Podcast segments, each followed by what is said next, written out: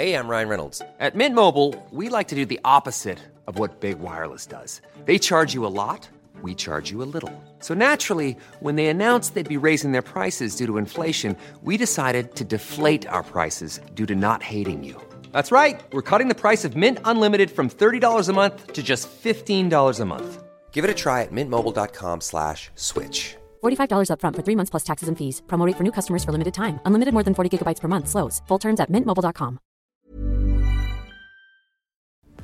Podden presenteras av Hyper.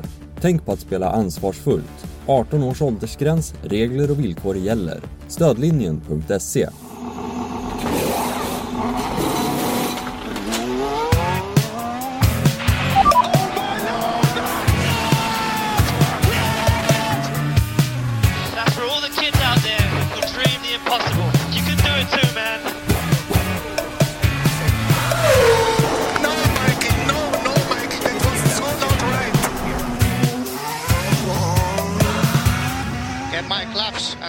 wheel. Steering wheel, claps and steering wheel here. Hej och välkomna, eller och kanske välkomna tillbaka till eh, Plattan i mattan, Sportbladets Formel 1-podcast som alltså eh, kommer ut med avsnitt nummer två idag.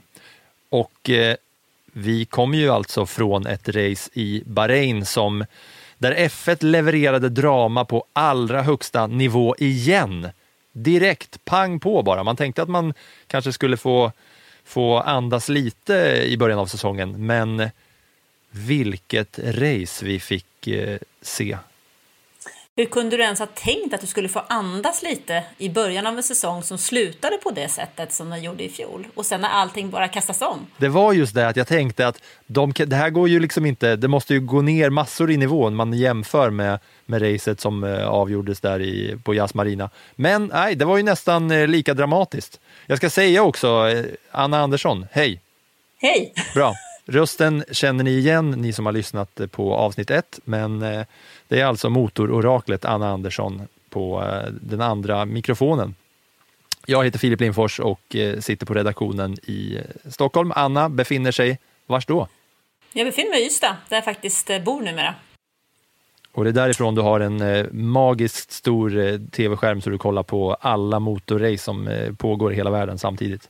Ja men typ, och det räcker ju inte med en skärm, utan man får ju ha flera. Det är ju både datorer och skärmar och, och live-rapporteringar. Och det var ju vansinnigt kul dessutom att få live-rapportera hela helgen som vi gjorde eh, till våra lyssnare. Så ni fick ytterligare en ännu lite bättre upplevelse av Formel 1. Ja, och det ska vi ju passa på att säga att om ni lyssnar på den här podden och inte var inne på eh, Sportbladets live-rapportering för racet i Bahrain, kika in där. På målservice finns det en liten flik som ni kan titta på på Sportbladet. Längst uppe så finns det en liten flik som står målservice, kan ni klicka på den och eh, sen klicka på Formel 1. Eller under racens gång så eh, är det väldigt lätt att ta sig in dit via våra stora artiklar också. Men där får ni alltså, som vi premiärade under Bahrain-helgen, massor av data och statistik och head-to-head och man kan se en livekarta på vart alla förare befinner sig.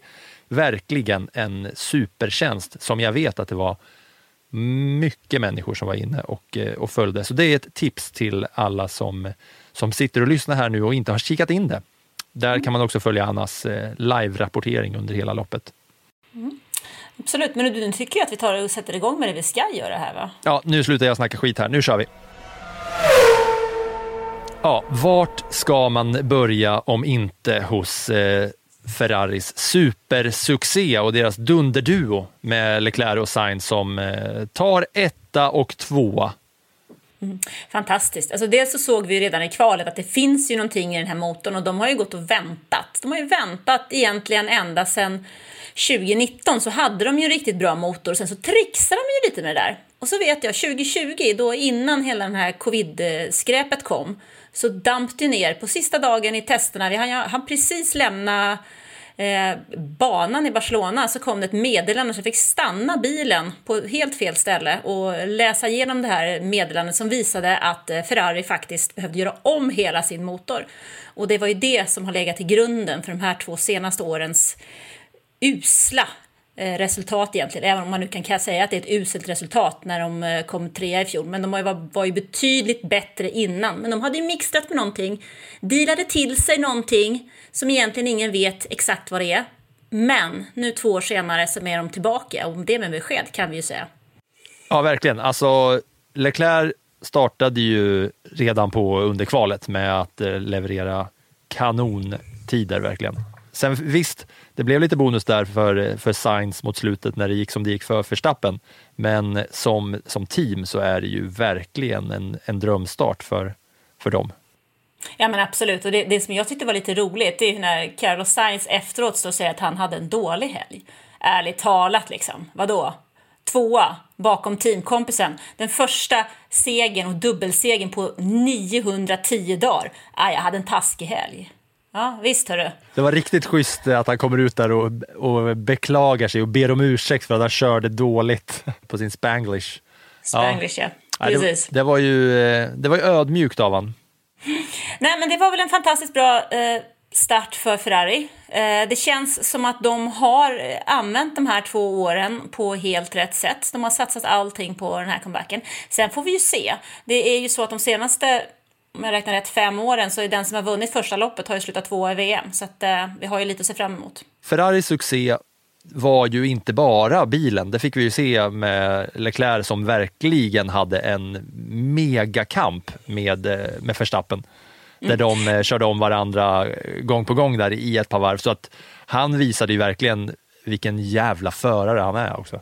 Mm. Och det som är intressant tycker jag är att det är ju att vi faktiskt hade den där fighten. Den hade vi aldrig någonsin i helskottat haft förra året. För då kunde du inte fightas på det sättet. Nu var det så här som man kände, ah, nu, ah, okej, okay, nu är han klar. Nähä, han kommer tillbaka. Ah, ja, men nu är det klart. Nähä, han kommer tillbaka. Och bara den känslan liksom. Ja, det var ju inte bara på några, några raksträckor och några kurvor och sen så tänkte man, ja, ah, men då var det färdigt, utan det pågick ju i varv efter varv där under en stund. Och, mm. Och just att Leclerc visade eh, att även om han blev omkörd av Max, att han kunde ta sig tillbaka där, att visa verkligen vilken, eh, vilken driver han är. Mm, jag kan nästan tänka mig att du satt där och var lite besviken efter andra depåstoppet, att det inte varit samma fight igen. Ja, ja, ja, exakt. Och det också var så jävla bra, för att nu med, med de här nya bilarna som var tunga och med, med nya däcken och allt, det vill jag liksom komma in på också. För det här med depåstoppen, det var ju, det bara öste folk in och ut och det var så sjukt många olika strategier som, som, alla, som alla teamen hade. Så många gånger, jag satt ju här på redaktionen och, eh, och jobbade då och kollade på loppet med allt och alla andra. Och det flög ju liksom eh, folk som ropade här, som, hur många stopp, hur många stopp har Leclerc gjort egentligen? Man visste inte. Ena sekunden var någon liksom 19 sekunder bakom och sen helt plötsligt så var de jämsides igen. Men då var det så jävla bra att kunna gå in på den här eh, Sportbladets nya live-rapportering. För det var så enkelt och tydligt och bra att kunna se då när det var sånt eh, in och ut-fest i, i depån, att man kunde se, ja men Leclerc har gjort ett, Verstappen har gjort två, så man kunde hålla koll på eh, ja, sekunderna, hur de liksom gick fram och tillbaka. Mm, ja men absolut, jag håller helt med, för att eh, inte ens tv hänger med i det läget. Nej, för det var, för det var ju verkligen så. Eller är det, är det bara jag som, eh, som är snett på det här? Det kändes som att det var hur, hur mycket olika strategier och taktiker som helst från, från alla olika team. Ja, alltså framförallt var det väl så att allting hände på en gång skulle jag vilja säga. Alltså det var ju så liksom, det var inte det här eh, som vi har blivit bortskämda med, att du har en start, sen lugnar det ner sig, sen kommer depåstoppen och sen så liksom, ja, är det ett stopp och sen så lugnt stabiliserar det sig och sen så har vi tur så blir det en attack. Utan nu var det väldigt många fighter på väldigt många ställen. Och, men det är en annan sak är ju där att i och med att det här reglementet är nytt så var det ju väldigt många bilar som hade ja, lite trassel eh, från och tillbaka. Jag menar, vi såg en Alfa Romeo här med Bottas som startar högt upp går ner till 14 plats. Ja, han startar Sen ungefär lika snabbt som jag startade med min Citroën C4 från 2010. Typ va, och då, är det, då, då tycker jag din Citroën låter väldigt bra i det här läget.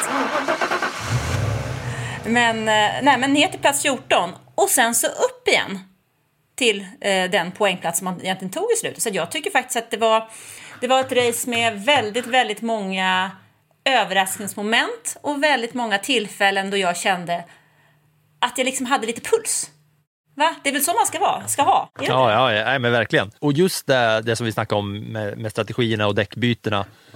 är just att i vanliga fall så är man så van vid att alla kör på samma strategi. Man börjar på mediums och sen så går man till ett par hards eller, eller om det är så att man börjar på soft. Utan i vanliga fall så har ju alla samma upplägg liksom med vilka val man gör och när man går in. Ska det vara en enstoppare, ska det vara en tvåstoppare? Men här var det ju folk som liksom som, eh, det var åt alla håll och kanter samtidigt. Vi såg Lewis Hamilton komma in, ja, vad- vad- när åkte han in? Det var ju efter 12 varv eller något sånt. Ja, vä- väldigt, väldigt tidigt i alla fall. Ehm, Och en classic det- Lewis också, allt, alltid direkt efteråt bara, it was way too early man. ja, ja, men han vet ju bäst. Det frågade du mig förra veckan också om han skulle vara missnöjd med något domslut. Det kändes väl ungefär så att han är missnöjd med allt som inte funkar, så blir han skiträdd för sina däck liksom. Eh, Ferraris succé är ju alltså, ja, det är väl rubrik ett egentligen. Har vi något mer att säga om eh, Ferrari-succén? Jag känner väl egentligen att jag är otroligt spänd på vad de kan göra nu eh, om några dagar när det är dags att dra till stadsbanan i Saudiarabien. Men det kan vi prata mer om lite senare. Så här tänker man ju att ja, men nu Red Bull måste få ordning på sin, eh, på sin bil, eh, Mercedes kommer göra massa improvements, alla kommer, man tänker så här, ja, men Ferrari, eller vad säger jag, Mercedes de kommer få ordning på det och alla bilar kommer uppgradera, men även Ferrari kommer ju bli bättre, för de kommer ju också ha hunnit lägga mer tid på sin bil och förbättra den och göra improvements där. Ja, men absolut, vi får ju se att nu är vi i början på, inte vet jag, Mont Blanc eller någonting, eller i alla fall Kebnekaise. Vi ska ju upp liksom på en otroligt brant utvecklingskurva här. Eh, Så det kommer ju hända jätte- jättemycket. Så det behöver ju inte vara så att det som är nu är samma sak som när vi är i juni, eller augusti, eller oktober. Det kommer ju hända jätte- jättemycket. Ja, kul start för Ferrari. Eh, Absolut. Andra eh, huvudrubriken då från Bahrain måste väl ändå vara Red Bulls eh, dunderdrama Fullständiga, ja, fullständiga kollaps skulle jag vilja kalla det för. på mållinjen, på målsnöret. Ah, helt sanslöst. Man blev ju lite nervös där när eh, Verstappen började prata om att han inte riktigt kan styra, han kan inte svänga. Och de säger nej men inga problem, inga problem. Ah, men det går inte, det går inte. Nej, inga problem, det är lugnt liksom. Mm, tjenare, kändes det som. Eh, det måste ju vara ett, en otrolig besvikelse, både för honom och sen när man ser äh, i nästa läge då ser hur Perez är på väg och fightas och fightas med Hamilton och sen så bara snurrar han. Det är ju någonting som har verkligen gått snett här alltså. Det pratas ju om att det är en bränslepump, men de säger ju ingenting. De, de, de förnekar ju allt, så vi har ju egentligen ingen aning om vad det är. Vi kan säga att det kan mycket väl vara problemet med bränslepump. Det kan också vara problemet med det nya bränslet som inte riktigt funkar, eh, det här E10-bränslet. Men vi vet inte. En annan minitjurbilen, om det är stortjuren som är Red Bull och Alfa Tauri är lilltjuren, så brann ju även en eh, liten tjur. Ja, och han brann inte så lite. Det var ju grillad tjur. Alltså, grejen är ju här att Red Bull har fyra bilar med. De hade en som gick i mål. Jag hamnade iväg i tankarna här när du sa grillad tjur. Då kom jag på att jag har fan käkat tjurballe en gång. På bröderna... Grillad? Ja, Bull Ball Burger käkade jag. Det var alltså tjurtestikelburgare. Intressant. Ja, det var, jag, det var därför jag försvann lite i tanken där och lät dig eh, rabbla på. Men, men då var det alltså den minsta tjuren av alla som var den enda Red Bull-tjuren som Ja, gick i och- mål. Mm, och det är på plats åtta liksom. Ja. Den är inte rolig. Det är en enorm miss i poängen här. Och det som var så himla intressant var ju att det hände precis på slutet, så att livslängden var ju nästan ett helt lopp. Att de var nästan synkade där i när de gav upp båda eh, stortjurarna, både Verstappen och, och, och Perez bil. Mm, de var halta samtidigt alltså. Nej, det var helt, allting hände där på slutet. Men det talar jag också återigen om. Jag vet inte hur många gånger jag tjatat om det, både i blogg och krönikor och texter. Tillförlitligheten. Det hjälper ju inte att ha en snabb bil om den inte håller hela vägen in i mål. Det är så himla tråkigt att, tjata om det, men det är precis det som det handlar om i mångt och mycket. Ja, nej, men det var ju eh, tjurhaveriet där för, eh, för Red Bull eh, och Honda, kan man säga så eller? Ja, fast det heter ju inte Honda längre. Det heter ju Red Bull Power Train, men jag vet inte om det var något power i det där trainet. Nej, jag väljer ju att säga Red Bull Honda ändå. Jäkla eh, otrolig miss alltså egentligen för det där nya märket. Det hade kunnat bli hur bra som helst med det som motortillverkare att gå in och vinna det där och sen så bara poff! Ja, nej men för, för fart och allt sånt eh, har de ju. Det var ju, eh, det såg man ju i och med att Verstappen kunde ha den där kampen mot, eh, mot Leclerc och Perez körde bra och det såg ju länge bra ut för, för båda. Jo, men du kan ju inte köra i 56 varv om loppet är 57. Nej, och hur ska det gå om det är 70 varv och så vidare och så vidare. Det får vi se, de har lite att jobba med kan vi säga. Ja, och om det var ett haveri för Red Bull så var det väl raka motsatsen för eh, Günther och våra vänner i Haas. Det har jag liksom eh, titulerat Haas-chocken. För mig så var det i alla fall en chock att det gick så in i nacken bra alltså för eh, dunderdansken. Nej, det var ju fantastiskt kul. Snacka om dansk dynamit. Det, jag har ju en son som är lite i början av sin eh, F1-karriär. Jag har ju här, intresset för Formel 1 ska jag säga. Det är härligt att man Eh, kan ha en karriär som supporter. Ja, men det är väl härligt. När han var liten så var han ju tvingad att sitta där framför när jag jobbade. Men numera så har han ju tagit sig tillbaka. Eh, och en av hans eh, polare har ju gått omkring med en Haas-keps i två år i skolan. Jag vill också ha en sån. Nästan gammal. Eh, och han var ju faktiskt lite stjärna här i, igår istället för att bli hånad för den där kepsen. Så jag tror alla människor som älskar Günther har ju blivit superlyckliga nu alltså.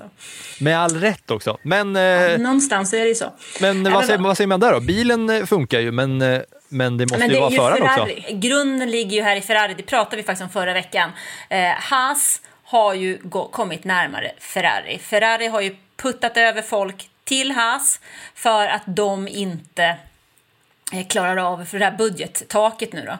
Så att de har ju fått en massa folk av Ferrari. Plus, de har ju, drar ju en enorm nytta av den här motorn. Vi ska ju inte glömma att Alfa Romeo, som också kör med Ferraris motor, slutade ju sexa och tia. Cho, kinesen, tog ju poäng faktiskt i sitt första lopp. Och sen var ju Mick Schumacher 11 i en Haas också. Så att vi hade ju liksom alla Ferrari-bilarna, sex stycken, före plats 11. Så det är ju ett fantastiskt bra resultat och det visar ju vad den här motorn är, är kapabel till.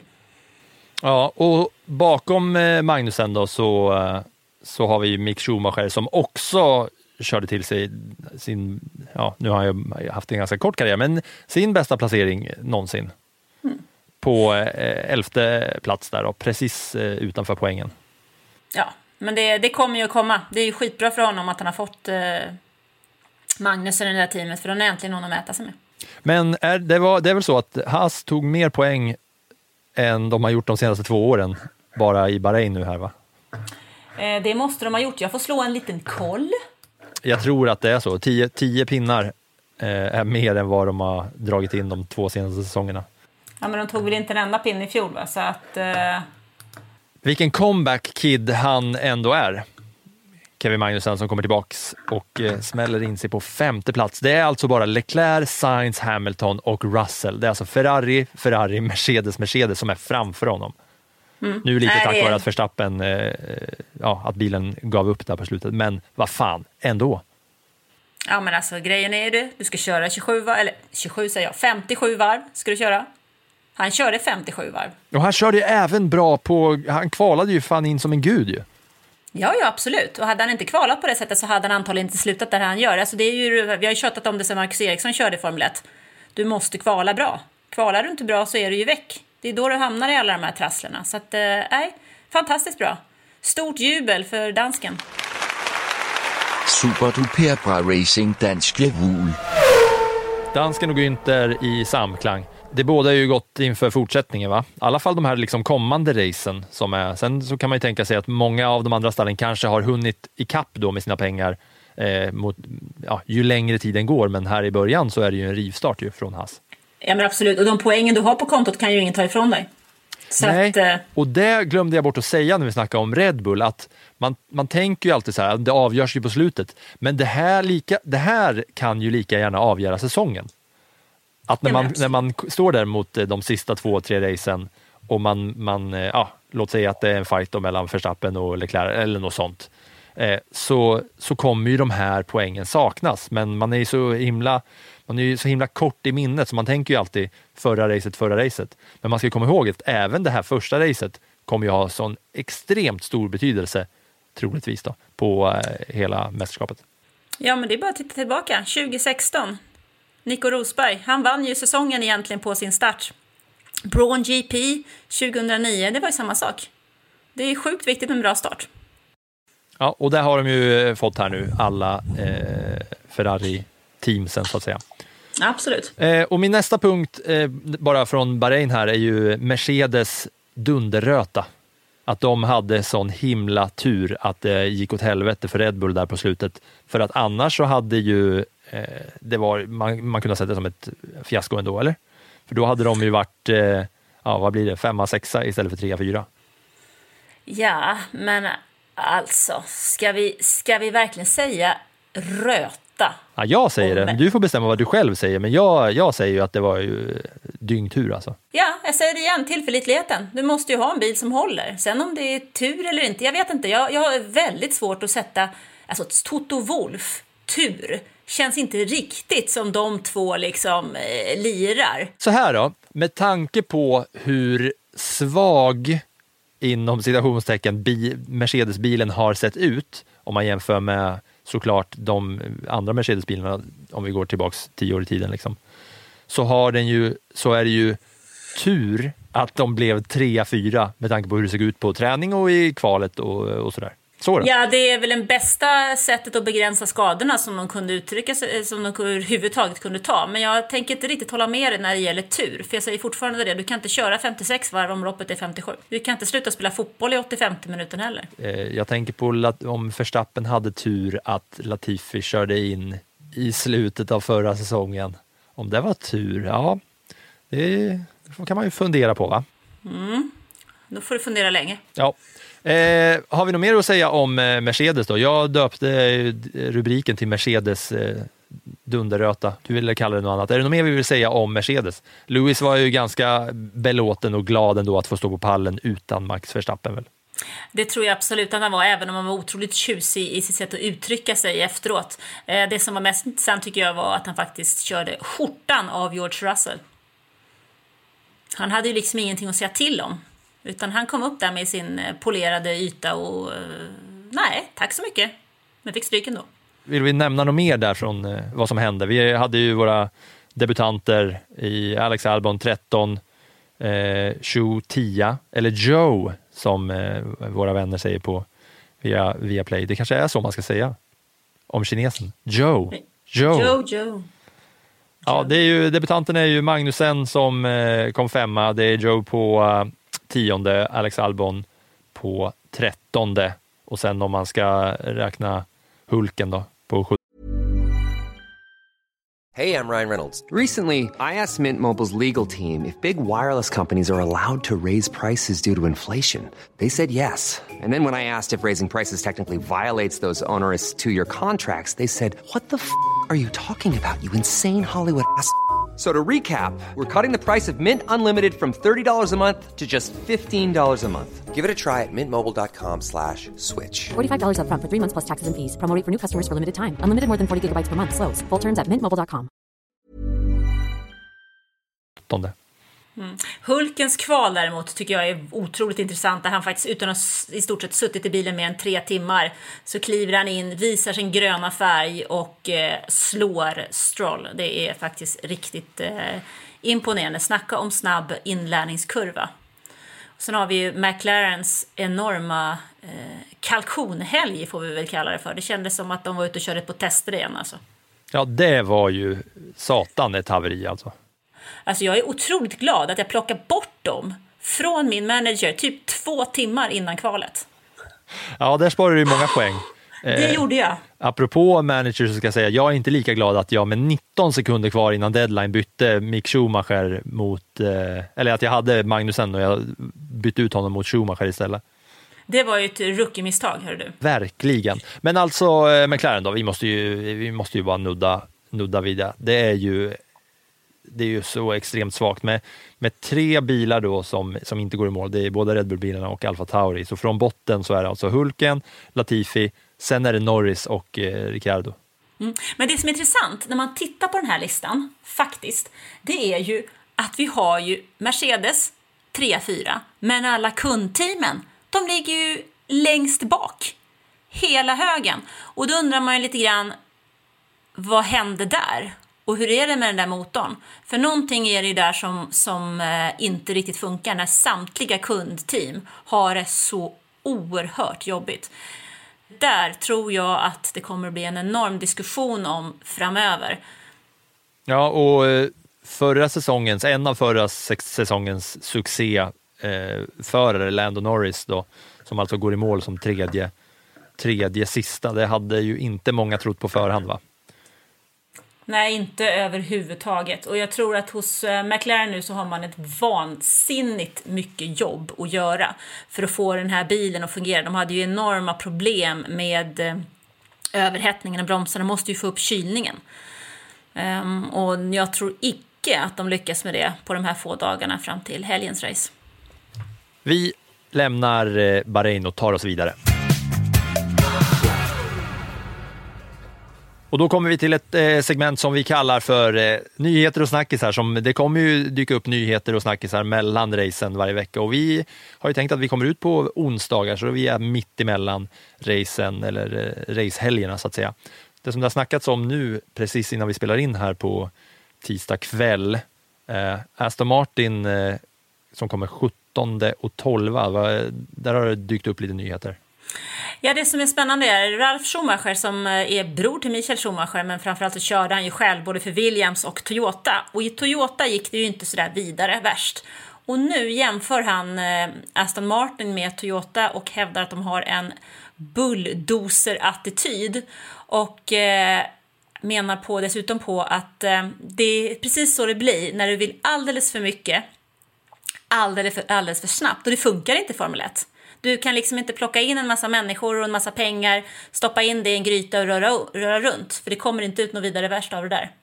Så att eh, i Tyskland i alla fall så är det en stor diskussion nu om Vettel, kommer han tillbaka till Saudiarabien, kommer han tillbaka överhuvudtaget och hur kass är bilen? Hur mycket engagemang lägger Stroll ner på fel saker? Det pratas om att han till och med sitter med i debriefingen. Mm. Ja, alltså när jag säger att de kommer 17 och 12 så är det bortsett då från de här tre bilarna som inte går i mål, det vill säga alltså Hulkenberg kommer ju sist.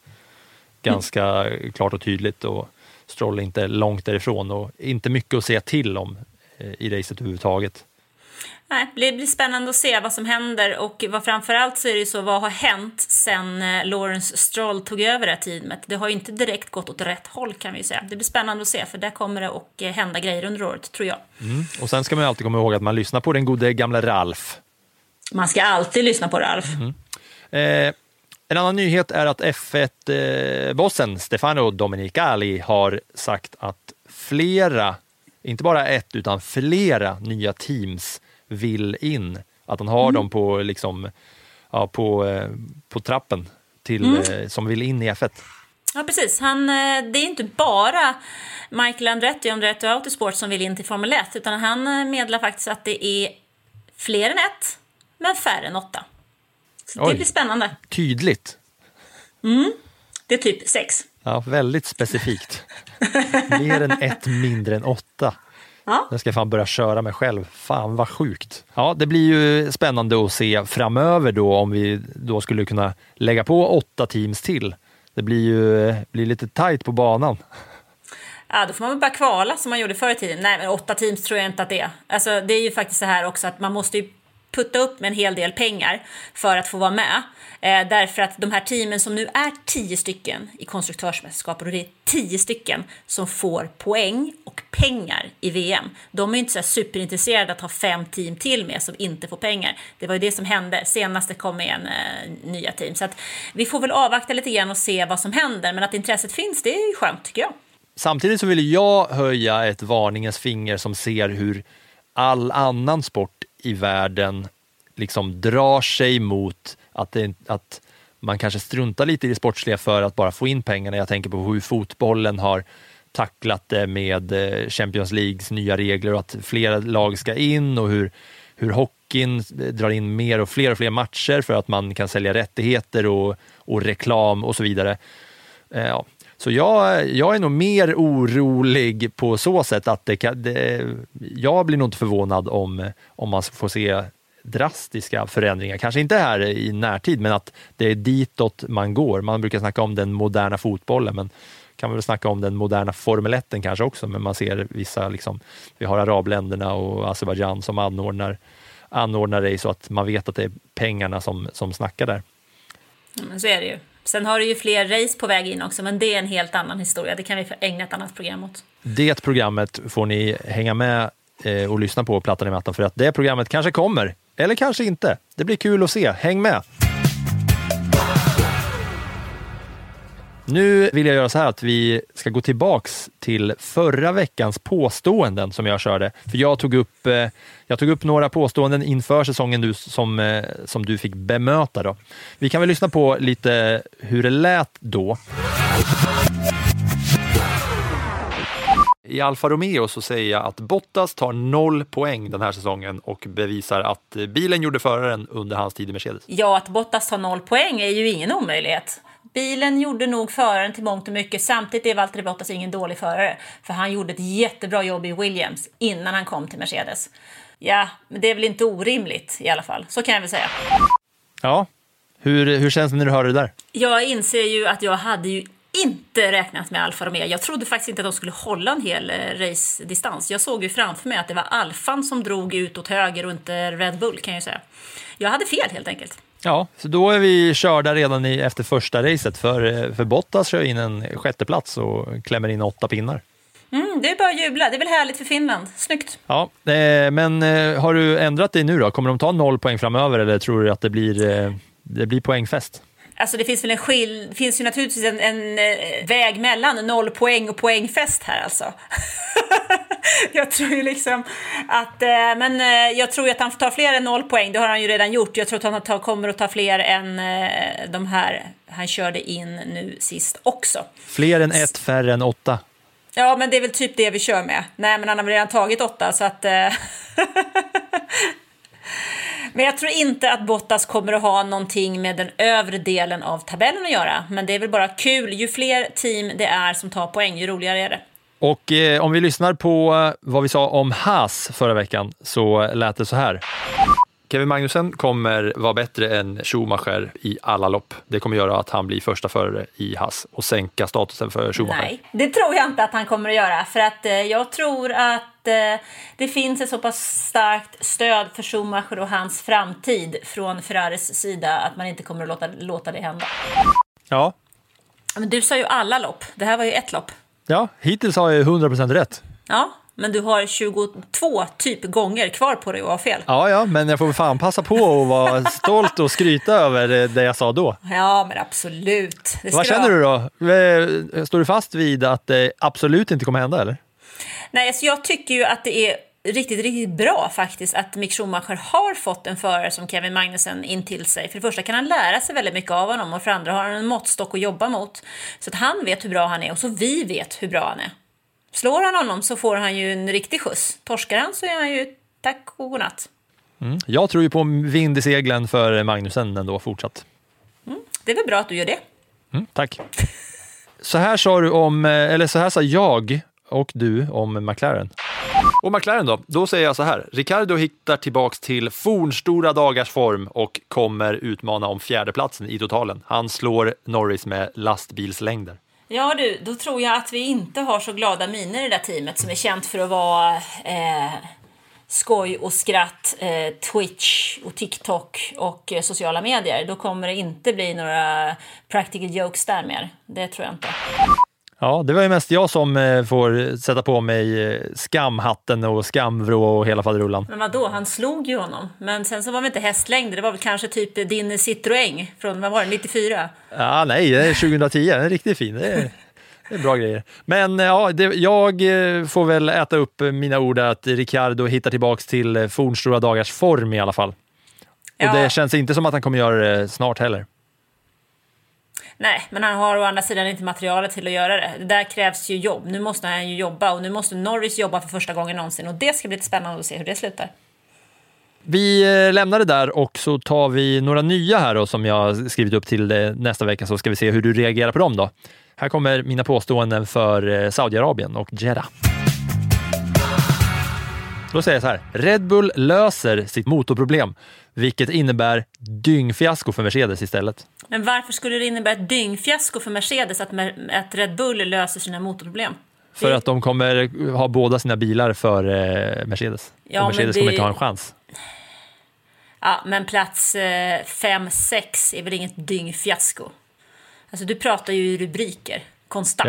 Ja, jag jobbar på en kvällstidning. Det är Ja. du med. Jag ska, det kan vara Ja, bra men jag försöker ju ge innehåll till de här rubrikerna. Liksom. Det måste ju bygga på någonting. Det kan inte vara som man blåser och sen så är det skit. Jävla sån här Det eh, blir, det, blir spännande, det blir spännande att se sen om det nu är jag som sätter rubrik på dina eh, texter efter loppet. Då kan vi väl se om det är ett fiasko för Mercedes den här gången. För den, eh, efter, eh, efter premiärracet var det fiasko för eh, Red Bull. Ju. Ja, du gillar den typen av rubriker. Det är ju bra. Ehm, ja, vi får väl se. Nej, jag tror inte... Så för mig så hänger de två sakerna faktiskt inte ihop överhuvudtaget. Det är som att jämföra typ eh, fotboll och amerikansk fotboll. Okej, vi säger, jag säger så här då. Vettel kommer komma in och rädda Aston Martin med briljant körning. Ja, frågan är om han överhuvudtaget kommer tillbaka den här helgen överhuvudtaget. Han har ju fortfarande problem med sin covid. Han måste ju testa negativt. Och det vet vi att det kan ju ta en stund även om man är frisk.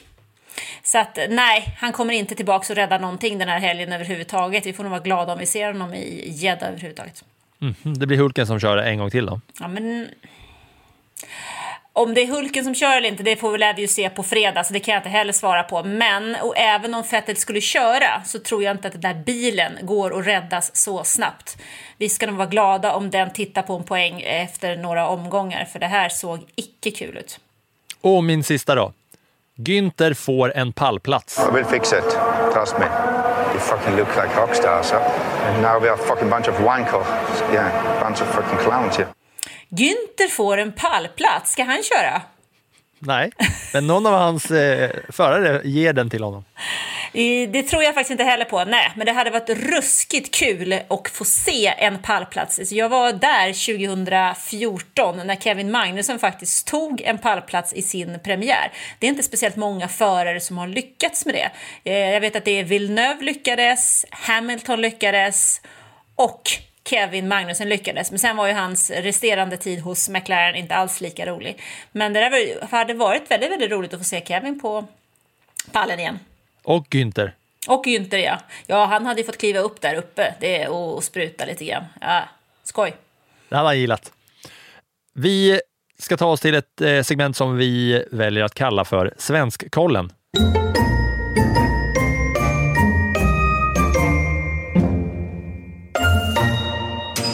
Och i Svenskkollen då, som kommer dyka upp här i våran podd, Plattan i mattan, lite titt som tätt är när vi kikar på våra svenskar som vi har i Indycar. Eh, och då eh, pratar vi om Marcus Eriksson och Felix Rosenqvist. Och nu har det varit ett eh, ovalrace i Texas där vi hade en svensk, Rosenqvist, som hade pole och en annan svensk som gjorde ett eh, kanonlopp. Va? Mm, absolut. Eriksson gjorde ju sin vana trogen ett mindre bra kval. Men när drivaxeln gick för Rosenqvist i eh, racet så steppade ju Eriksson upp och gjorde faktiskt ett fantastiskt bra race. Han slutade trea.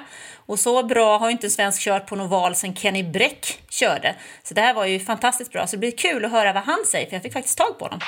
Alright, så Texas-racet. Eh, först från starta 14, lite längre ner än vad jag hade hoppats på efter ett mindre lyckat kval. Eh, men gjorde en bra start, bra första eh, varv och eh, tog mig upp hela vägen till nionde plats. Därifrån kände jag väl rätt så tidigt i racet att eh, bilen var eh, lite sämre balans än vad jag hoppats på. var rätt så överstyrt och svårkört och vi brände rätt så mm, mycket bakdäck. Ehm, så första stinten var rätt så tuff. Eh, fick gå in rätt så tidigt i depån, vilket blev lyckat. Fick ut, komma ut på banan i lite fri luft och kunde ta en hel del placeringar på grund av det. Jag tror jag var uppe till sjätte plats. Eh, där låg vi rätt så länge i mitten på racet eh, när det var alla krascher och safety cars och så vidare. Eh, gjorde en hel del bra omkörningar, omstarter, mycket roliga fighter. Eh, banan i Texas var mycket bättre än vad det de sista åren. Eh, så det gick att liksom racea som gjorde att det var väldigt kul att köra där ute. Eh, sen eh, andra halvan av racet tog mig hela vägen upp till ledningen eh, där ett tag. Eh, bilen kändes riktigt bra och körningen satt riktigt bra också. Eh, kul att leda ett race också på en, på en oval. Eh, sen sista stinten, eh, kom ut, tappade några placeringar eh, runt sista depåstoppet. Vi stannade kvar lite längre ut än några andra. Men eh, kunde pusha på bra sista stinten och var ju med i fighten om segern hela vägen in i mål. Det var ju jag, McLaughlin och Newgarden som slogs om det och distanserade resten rätt så ordentligt där på sista stinten. Eh, hade inte riktigt eh, däck nog till att hota om segern i slutet. Där. Mina bakdäck tog slut lite för, för snabbt som lite var, var temat hela racet för min del. Men eh, ändå otroligt nöjd med en, en pallplats, min första pallplats på val och eh, rent generellt en, en väldigt, väldigt stark eh, insats igen. Eh, så ja, en grym start på säsongen. St. Pete eh, hade mycket väl kunnat vara en pallplats där också utan bestraffningen som jag fick i depån. Eh, men ändå eh, studsa tillbaka och komma trea nu i Texas och ligga femma i sammandraget efter två deltävlingar känns väldigt positivt. Så ja, det ska bli en kul fortsättning på säsongen.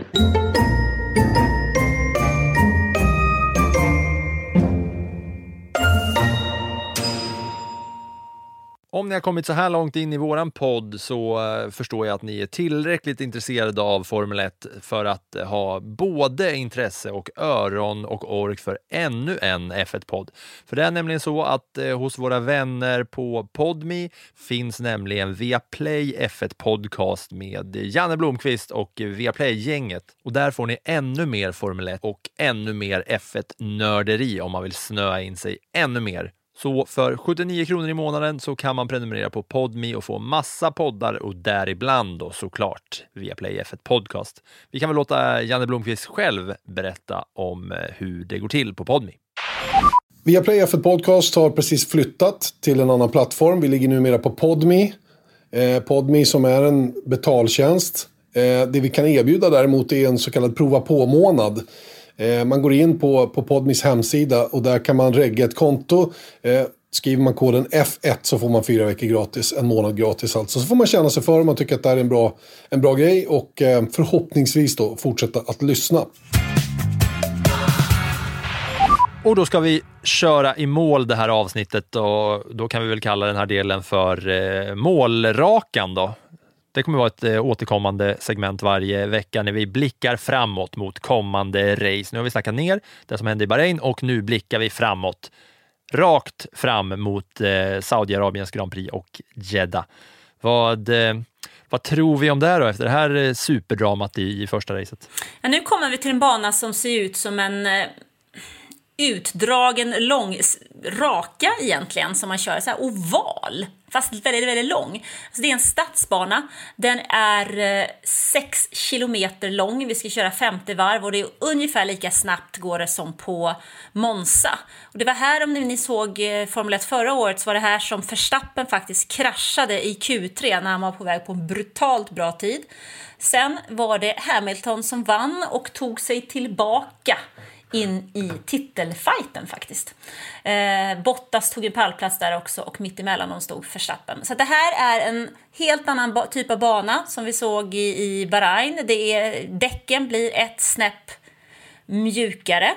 Eh, det som blir spännande att se är att vi kommer till den här banan, vi har varit där en gång tidigare, men det var med de gamla bilarna. Nu kommer vi med de nya bilarna, de nya däcken, vi har inga referenspunkter när det gäller det överhuvudtaget.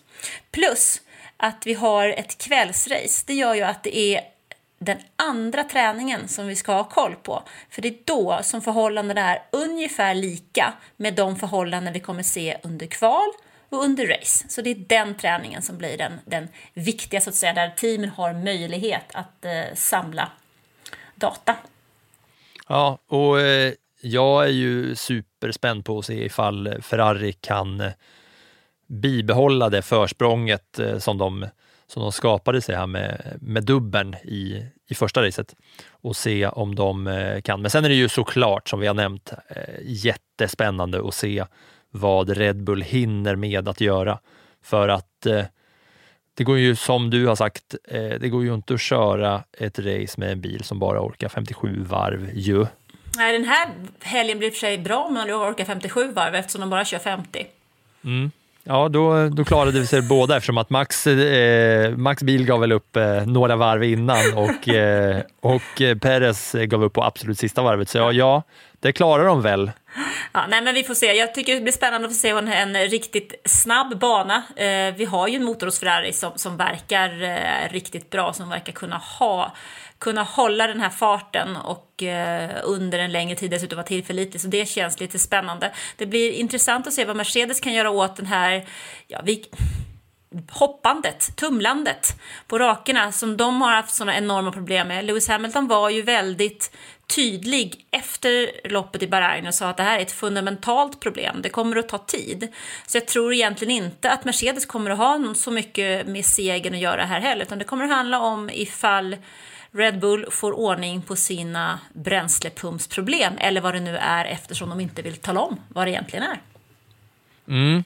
Ja, det, jag tycker också det ska bli jättespännande att se om eh, Mercedes får ordning på sin eh, bumpy ride där. Och sen, eh, som vi har nämnt, om eh, både Ferrari och Haas då kan kan ha samma fart och, och, och, köra lika bra för att det är väl, vi är ju samma del av världen, det är väl lite samma typer av väderförhållanden och värme och det är på kvällen här också mm. ju strålkastarljus och så vidare. Absolut, men det blir, det blir spännande att se vad Race 2 ger den här säsongen. Så att, eh, missa nu inte och häng med på vår eh, live-rapportering här. Lördagskvällen är räddad, start klockan 6. Söndagskvällen är räddad, start klockan 7 drar racet igång. Och i fjol så tog det där racet, nu ska vi se, det tog väl ungefär en och en halv timme va? Om jag inte minns fel. Kanske jag borde kolla.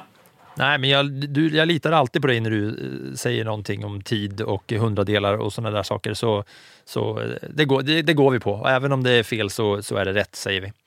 Det tycker jag vi eh, vågar göra. Men intressant. Sist så var den vinnande strategin i Saudiarabien tre depåstopp. Och du som hade problem att räkna sist. Så att det lär bli en depåstoppsfest i alla fall.